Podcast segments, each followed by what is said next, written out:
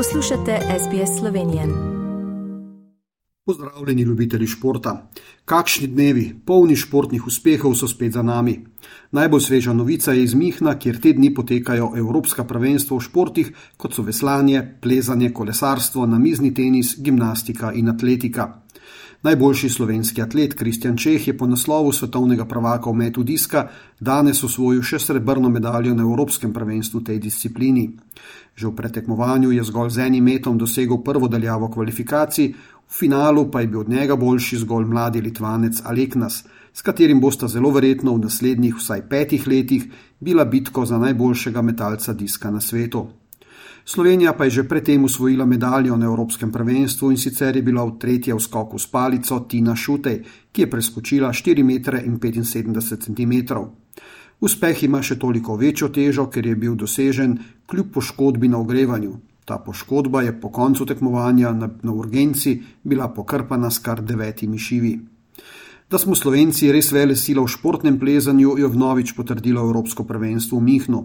Janja Garmbret je po treh zlatih medaljah zadnjega svetovnega prvenstva v Tokiu, zlati olimpijski medalji z iger prav tako v Tokiu, sedaj dodala še tri zlate medalje z evropskih prvenstev v balvanskem in težavnostnem plezanju ter tudi v kombinaciji obeh disciplin.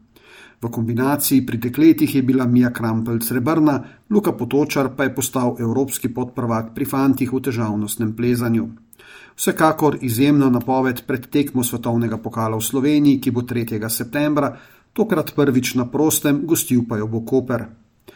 V sredo smo v dvorani Stožice, slaba dva tedna pred začetkom letošnjega Evropskega prvenstva v košarki, spremljali ponovitev velikega finala zadnjega Eurobasketa v Istanbulu med reprezentancama Slovenije in Srbije. Zasedba na obeh straneh je bila zvezdniška, z najbolj koristnim igralcem zadnjih dveh sezon lige NBA Nebojšo Jokičem ter seveda našim Luko Dončičem. Na veselje slovenskih navijačev se je kljub drugačnim napovedim vrnil Goran Dragič, ki bo kapetanski trak nosil tudi na prvenstvu v septembru. Tekma je bila izjemno izenačena in se je v rednem delu končala brez zmagovalca. Po koncu prvega podaljška pa so naši vendarle uspeli premagati Srbijo 97 proti 92.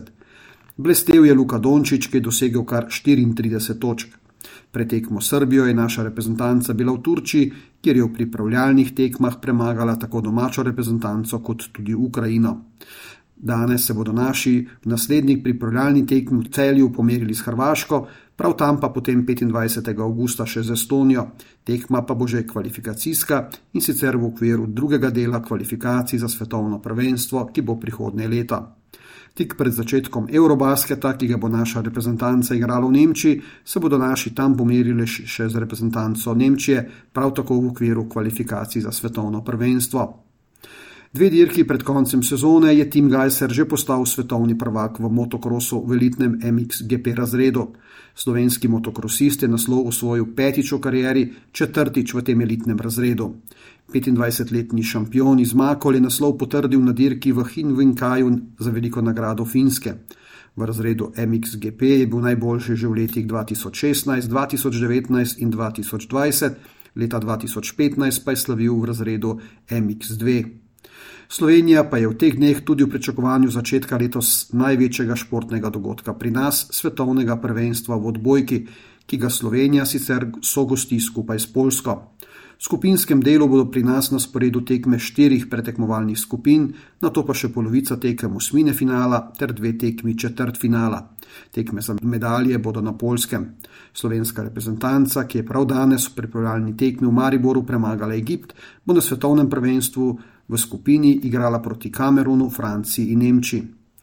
Za konec danes malenkost daljšega pregleda še domače nogometne novice. Prvi veliki derbi domače lige je pred tednom dni v Mariboru dobila Olimpija, ki je zmagala z nič proti dve. Na lestvici je sedaj Olimpija prva s petimi zmagami z petih tekem in brez prejetega zadetka. Maribor pa je presenetljivo na zadnjem mestu lestvice. To je bil pregled športnega dogajanja v Sloveniji v minulih 14 dneh. Tudi tokrat sem ga za vas pripravil, Tomaš Ambrožič, ki vas prav lepo pozdravljam. Želite slišati sorodne zgodbe? Prisluhnite jim preko Apple ali Google podcasta, preko aplikacije Spotify ali kjerkoli drugje.